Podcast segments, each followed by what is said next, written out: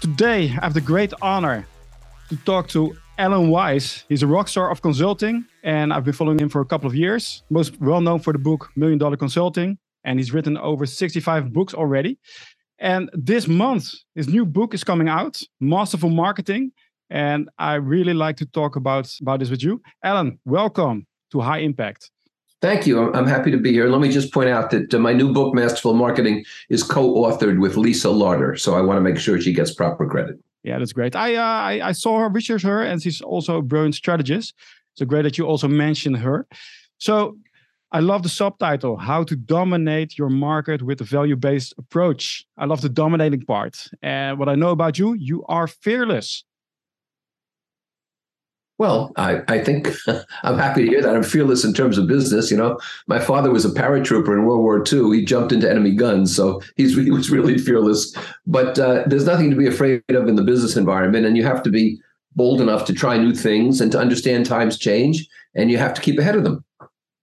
Well, that's true. Just so you you make the comparison between a paratrooper and us just being consultants and uh, just being afraid to talk to a buyer that's also one of the things that you talk about in the book.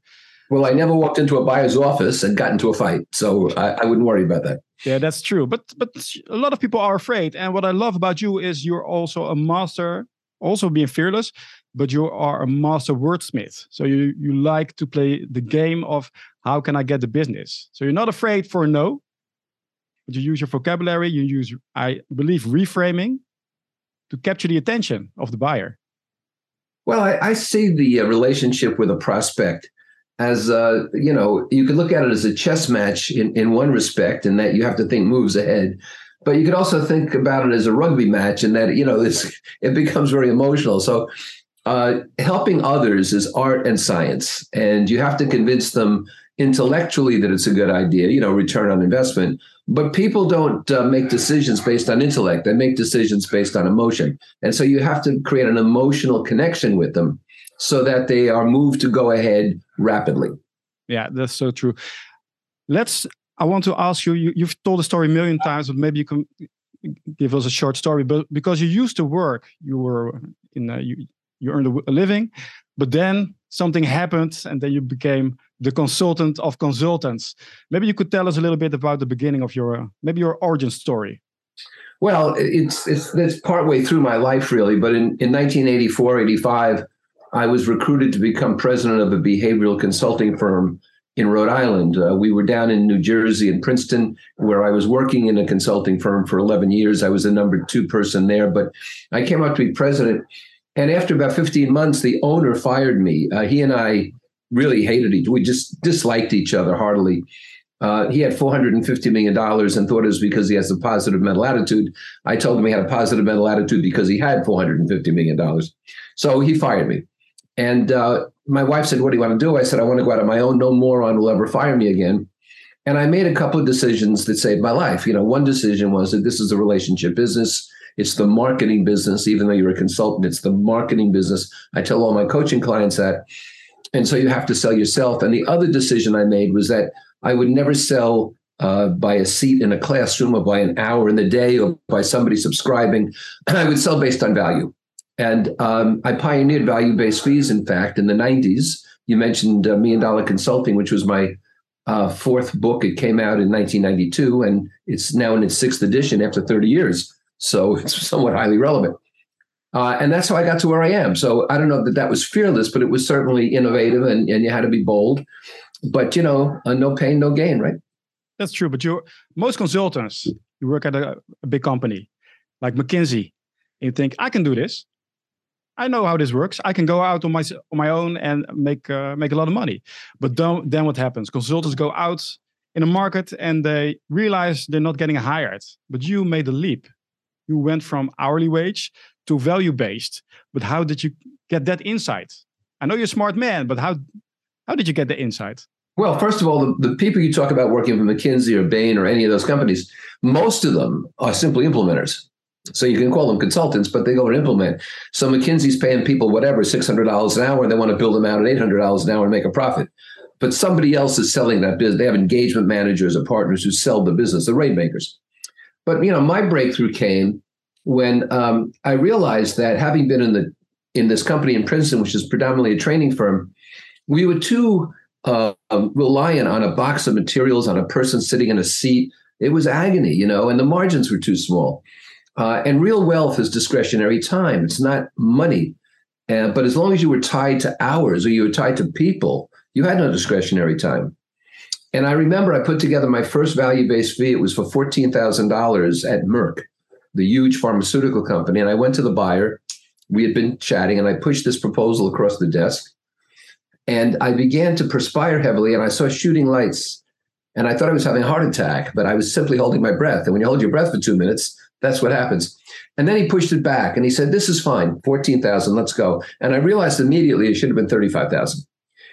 And so that told me there was no limit really, no, no practical limit to what I could really do if I had convinced the buyer emotionally there was enough value in it for the organization and for the buyer. So you talked about uh, we make decisions based on emotion, not by logic. So what you you also talk about this in the, in the new book. I, I saw a little bit of uh, of what's what's in the book. So let's say I'm a consultant. I'm, I'm going out in the in the workplace, but or out in the field, and suddenly I have to do all the marketing. But what if I don't like marketing? I, I want to implement. I have intellectual property. What's your advice to the consultant who thinks I'm a consultant? I just want to do the work. Well, I have a global coaching program, and I, I coach people all over the world, uh, you know, on a daily basis. And when they come to me, I tell them all the same thing. This is the marketing business. And I will stipulate you're a fine consultant, but there are a lot of fine consultants starving because they can't market. And there are a lot of mediocre consultants making money because they can market. And then there's us who can both market and consult. And so if you don't like marketing and you don't want to do it and you just want to implement, get a job for someone else. You know, go back to uh, the McKinseys or go back to a boutique firm, but you'll never make really big money and you'll never own anything because you're a delivery person. And we have to get used to the world. You know, a friend of mine is Dan Pink, uh, who wrote uh, "To Sell Is Human" and uh, and, and um, uh, a, a, lot of great books on human interaction.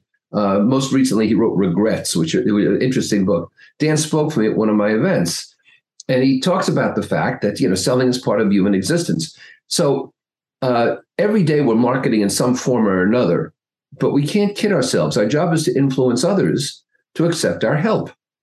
And if you don't have the confidence to expect that you can do a good enough job expressing your value in the form of help to others, then you're probably in the wrong profession.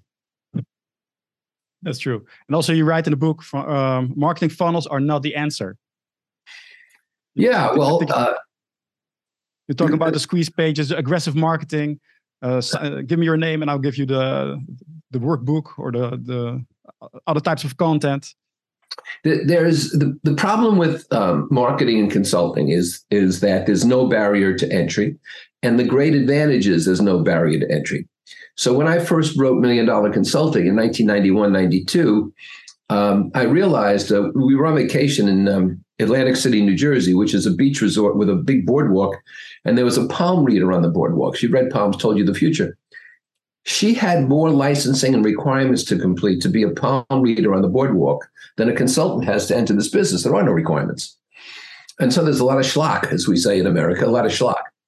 And uh, uh, the key is that people wake up in the morning with either with the attitude, what a great day. I have the opportunity to help a lot of people. I wonder who I can help first. Or what a horrible day. I have bills to pay. Uh, I have to ask people for referrals. I've got work to do. It's another long, slow crawl through enemy territory.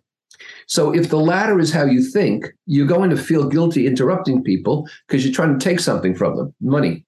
But if you're the former, you feel great talking to people because you want to offer them something value. So the difference is do you believe in your mindset you're offering or taking? It's a simple choice yeah that's that's part of the how do you think about yourself your own value? And i know you you give courses on that topic as well. Because can you agree, agree with me that this is the single uh, biggest hurdle for consultants coaches all entrepreneurs? The biggest single hurdle for entrepreneurs and for a lot of people in traditional businesses uh, is low self-esteem. Uh, and uh, that's exacerbated today post-pandemic ukraine uh, you know, uh, supply chain problems, uh, climate problems, you know, and so forth and so on. It's exacerbated by what people feel is a loss of control. the government's telling them what to do, the medical establishment's telling them what to do, you know, politicians are telling them what to do and mostly lying. And so uh, people really have a low sense of self esteem, of self worth. Uh, and uh, I believe that the key for anyone, especially if you're an entrepreneur, is to understand exactly what your self worth is. It's higher than you usually think it is, uh, but you can't you can't succumb. You can't give in to other people's metrics and other people's expectations. But this uh, society controlling us to keep us into the low state. You know, like in school, you're doing it wrong. The red tags, all afraid for for the for the manager. We have to do the, the the best job, and then you go out in the market, and then you keep the same mindset. Well, there's tremendous normative pressure. You know, you say to somebody, "I'm going to go skiing," and they say, "Well, you know, stay on the green hill." you won't be able to handle the black diamond. And that's because they couldn't handle a black diamond. In, in psychology, that's called projection. If I can't do it, you can't do it. Uh, and it's a, it's a form of self preservation because if you can go on the black diamonds right away, that shows you're better than I am. And that further helps my esteem. So, you know, the, the key is to allow for the fact that you're going to create your own metrics and not be held back by other people's metrics. You know, the classic line is you, you did a good job on that test. Not as good as your sister, but you did a good job. And so you can never be successful enough that way. So what comes first? Do I have to do the the the big, you know, the affirmations? Do I have to feel great about myself and then comes the self-esteem? Or do I have to first take action? Well, th- thankfully, it's not a chicken and egg problem. And never use affirmations; they're empty. It's like drinking out of an empty glass. Uh, what you have to do is take stock and say, what is the true value that I can bring to others? And how do I improve a client's condition? In other words, after I walk away, how is the client better off? So in the medical profession, they say first do no harm, but we have to be better than that. We can't walk away leaving the client as the client was before. We have to improve the client's condition or we're not worth the investment. You know, I start, I have a book called Million Dollar Coaching, and I start the book by asking the reader this.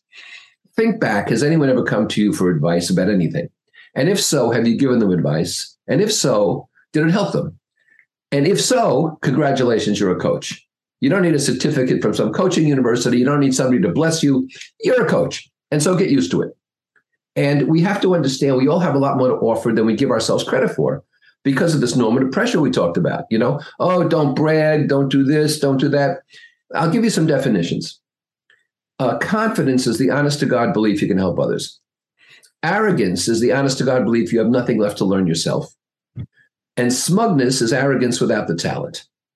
And so I skate right up to the line in terms of confidence. You step over into arrogance, you step back. But the fact is, if you're not helping yourself, you don't feel good about yourself, you can't help others. That's so true. But you also have to have the skill because one of the things you mentioned is you, you don't sell your time, you sell value. But a lot of companies are still on the uh, they're not used to it. So they think, what are you what are you coming with to us for? With a uh, we're we're used to spending time. How much time will this project take? So how get how did you crash through that mindset of companies that think in hours? Well, you have to prove to them. You have to be able first to prove to yourself, and then prove to them that the payoff is in the result, not the input. Nobody buys a drill because they they want to drill. They buy a drill because they need a hole. And so, what's the outcome of this? So, if a client, if a prospect says to me, Alan, would you do two weeks of coaching, or could you put on a strategy retreat? My response is, uh, why do you need it? And consequently, uh, it turns out more than half the time they don't need two weeks of coaching. They don't need a strategy retreat. It's just an arbitrary task that they've picked up. And if you look at most companies, Alex, the job descriptions are about tasks. They're not about results. And so they're worthless. And as consultants, we always have to look at the output of why people are investing in us, not what we do. So many consultants, quote unquote, uh, default to training programs. They default to the classroom. No, or, or they give people books and things. You know, nobody ever learned to ski by reading a book. That's true.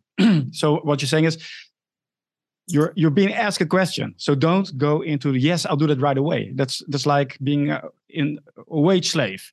No, you're being diagnostic. You're being the consultant. You're give, giving your perspective, and maybe reframing the question even broader. Maybe a little shock effect. Maybe. You said that exactly right. I mean, a very complex, convoluted question you have to ask is why. right? Why do you want this? Very simple. When I first started doing business with Mercedes Benz in North America, the um, executive, the vice president in charge of North America, uh, says to me, okay, look, here's what we want you to do. We want you to do some coaching with these people, training with these people. We want you to go out and look at our customer. I said, wait a minute. You don't tell me how to consult. Here's the deal. I won't tell you how to make brake pads. You don't tell me how to consult. Now we shake on that or we have no deal here. Uh, and of course, if he told me how to consult, he's going to wind up in the exact same place he is now. He needs an outsider because he's there breathing his own exhaust, to give you a car example. So we have to be uh, confident enough about our abilities to be able to say to a prospect or a client, stop it. You know, I'll tell you how we're going to do this. So you're taking control of the of the conversation. So I also love uh, uh, one of the things that you say. Well, maybe you can give an example. What if they say, "Well, Alan, we don't have any budget for that"? That's a really good one because it's completely it's fallacious. Here's the issue: money and time are priorities; they are not resources. And so, uh, it's a question of how they're allocated. You know, uh, when a client says, "Well, we have no budget," well, of course you never budgeted for me. You never met me before. But what you do have is money. You see, money and budget are two different things. Budget is pre-allocated money. But buyers, true buyers, which is why you should never deal with non-buyers, buyers can move money and they can take it from a place they're not getting a good return and give it to you because you're going to give them a better return. So when I sit down with a, a prospect and they say, "Well, we have they don't have budget. I said, well, listen, you have money because the lights are on, you're paying the mortgage, you got employees you're paying. So we know you have money. The question is what you do with it. And that's how we have to talk to people. Most people here, we have no budget, they pack their tent and they go home. And and that's just not the way it is. So how did you develop the the speech patterns to uh, or maybe I saw in one of your interviews you you play like a game. If the buyer says no, you think it's a challenge. That's the chess. That's the chess match I talked about before. Look, you have to have a wide vocabulary. You have to have a lot of tools to use, and tools for us are our words. You have to be able to use metaphor. You know, when I was talking to you before about help yourself first, it's the oxygen mask principle. On every airplane ride, you put your oxygen mask on first. They tell you before you try to help others.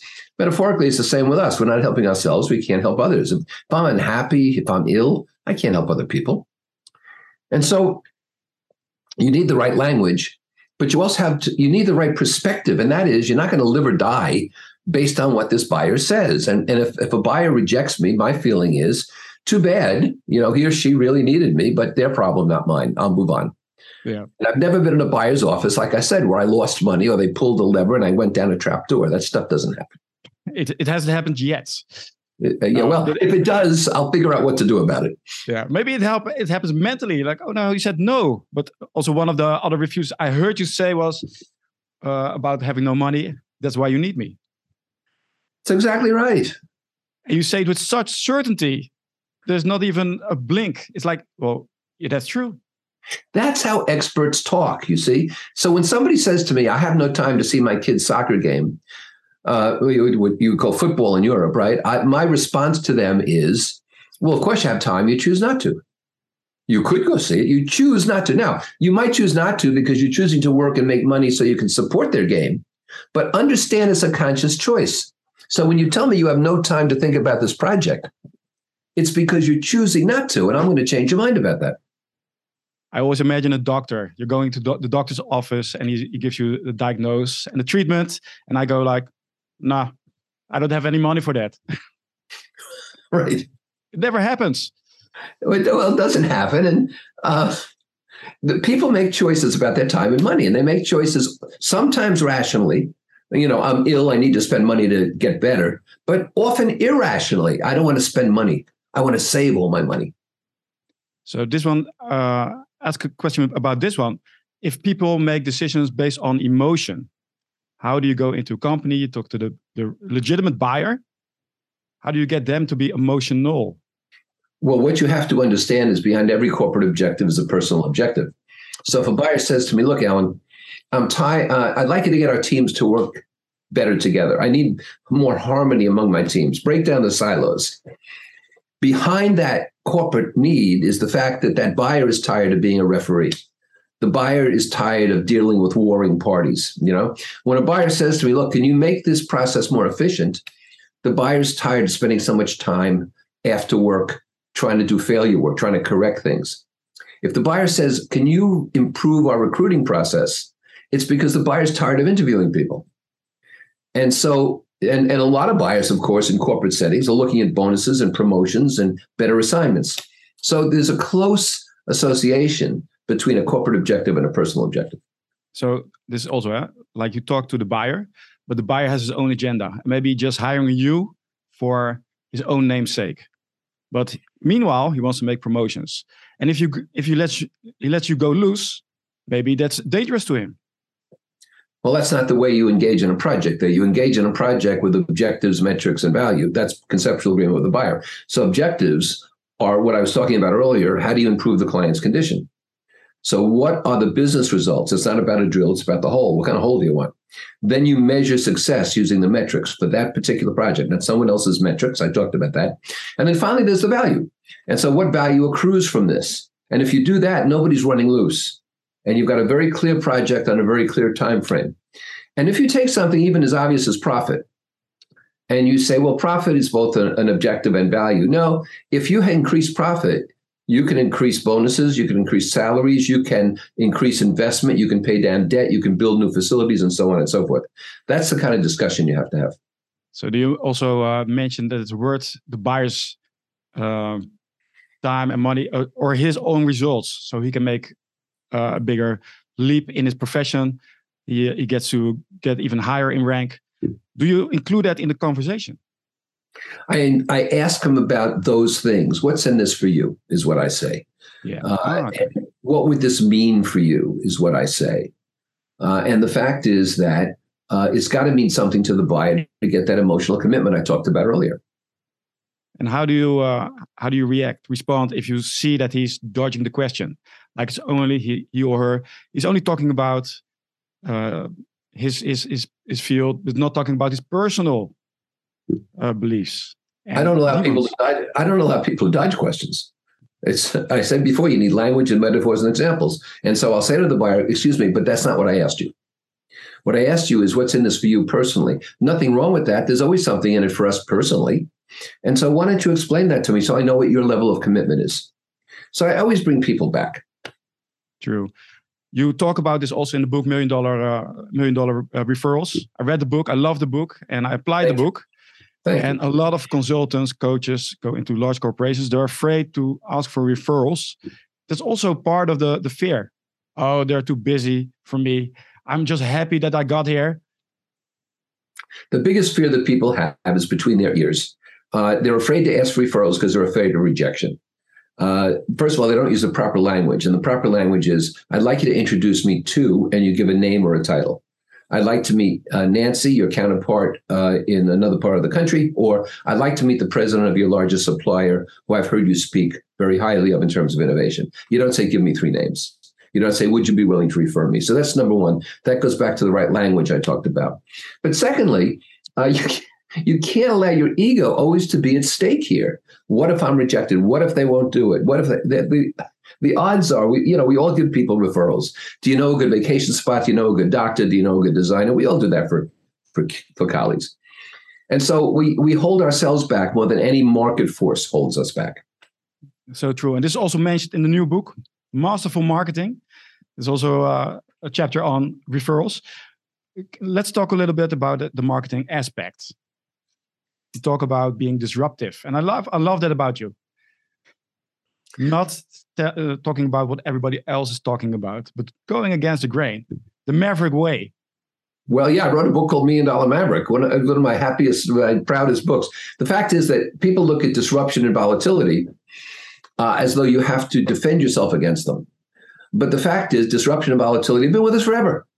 And we have to exploit them. So when I introduced value based fees in the 90s, uh, I disrupted the consulting profession. And today I have the strongest independent consulting brand in the world, still. Uh, if you look at Fred Smith, who founded FedEx, if you look at um, uh, Dyson, uh, which does airflow products, uh, if you look at Jeff Bezos at Amazon or, or Gates at Microsoft or Steve Jobs at Apple, these are all disruptors. So there's a history of disruption in successful companies. Uh, I think if you look at GE, they stopped being disruptive uh, and and the company has fallen apart. So uh, disruption and volatility need to be seen as offensive weapons to give you what you talked about earlier market domination. So, what's the balance between being disruptive, being a contrarian, like going against the grain, and just being annoying? Well, uh, it's the same as being highly confident and arrogant. There's a line there, and you have to identify the line. I think that for me, if I had to put it into words, I'm being contrarian if I'm provoking you to think. You don't have to agree with me. I'm just provoking you to think. That's what my newsletters do. I am being irritating um, if I am pejorative, uh, if I am insistent, if I'm trying to convert you. Uh, then I'm being irritating. However, uh, if people come to me to read my books, to listen to my podcast, to watch my videos, that's their choice, right? Uh, if if I if in those podcasts and videos and newsletters and so on, I keep demanding they do things, they're going to unsubscribe. They're going to go away, and so you recognize what the line is. But you also do this when they hire you to uh, to make a speech for a corporation. You're not you're not you're not the type of person that uh, they hire to give everybody a warm feeling, warm fuzzy feeling it's like Alan Weiss is coming. Brace yourself. Yeah, well, look, that's exactly why they hire me. And you know, I'm very tough on human resources. I think human resources is like a stegosaurus. You know, it should be extinct. And uh, you know, I've been hired by human resource conferences to give the participants in there another view of their profession. And also this one, I've I've met your arch nemesis. Who's that? Lawyers. Oh yeah. Could you tell us a little bit about lawyers? Because they love also in the Netherlands, they love the charging by the minute. Yeah, in the United States, they charge in six minute increments usually.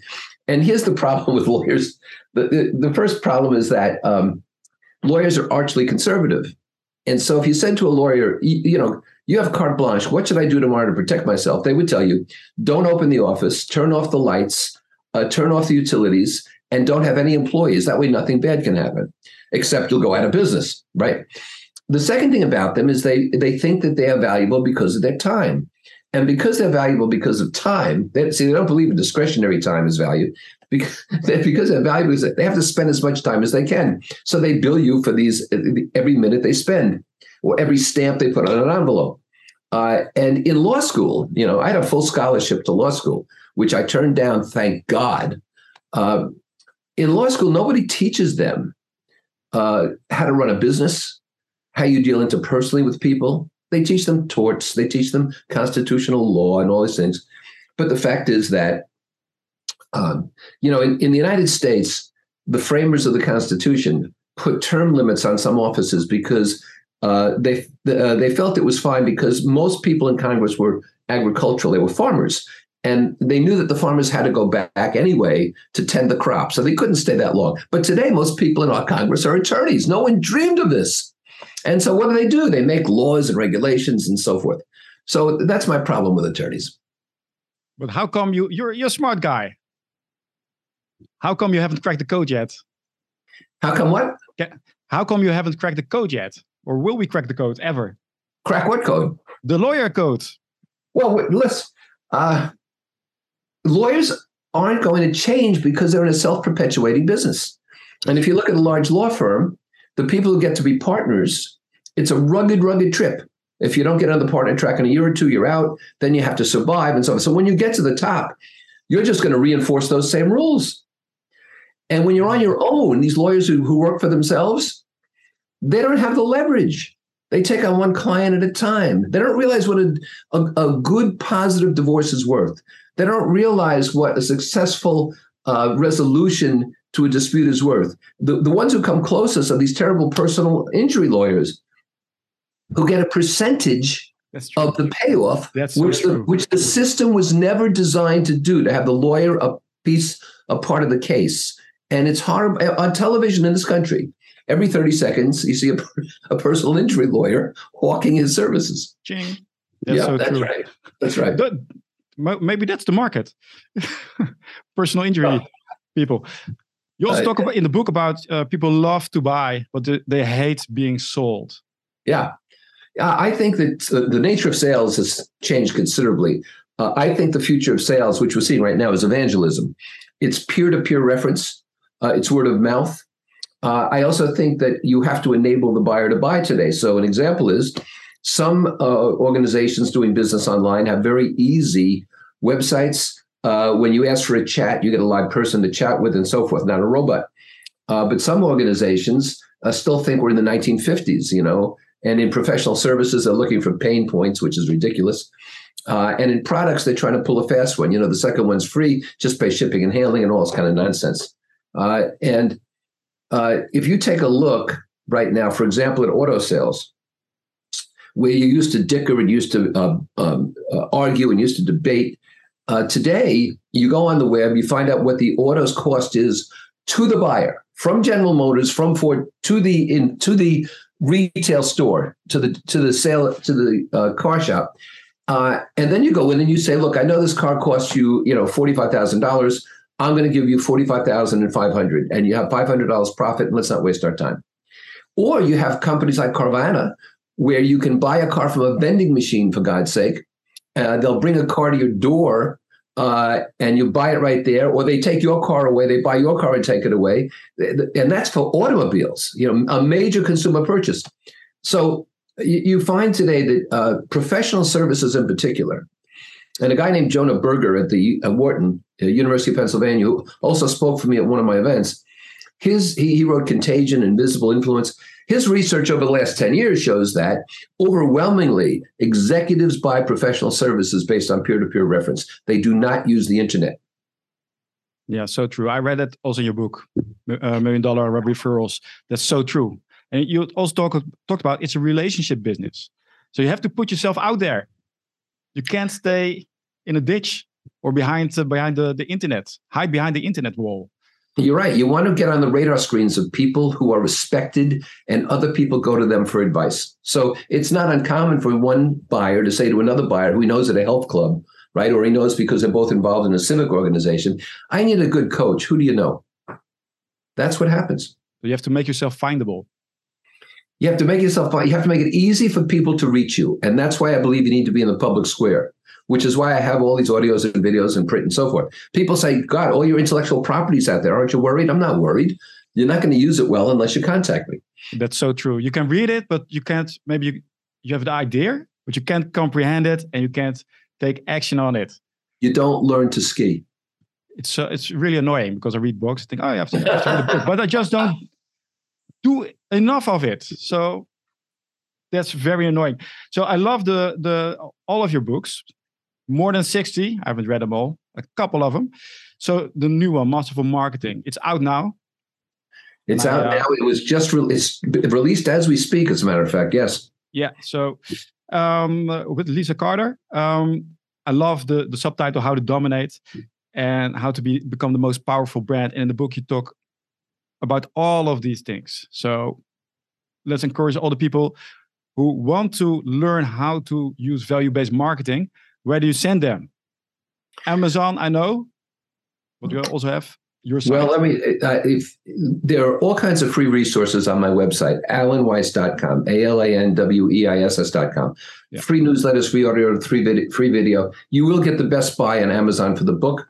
I have another book coming out uh, in another month, uh, co-authored with uh, Gene Moran. It's called Million Dollar Influence, uh, and so you can be looking for that one as well. Uh, and my website is full of of whatever you need. Amazon's probably the best price you're going to get for any book purchase, though. That's amazing. So thank you for this this interview. I must say, I we had a small email conversation before this, and I had a tremendous value based on that email interaction alone. maybe you know what I meant, but I, I I saw I saw the value, I saw the positioning. I loved it. I loved every bit of it. So thank you for that, and thank you for uh, being my guest on uh, on High Impact, uh, Alan. Thank you for inviting me. I had a great time, and I, I wish you continued success.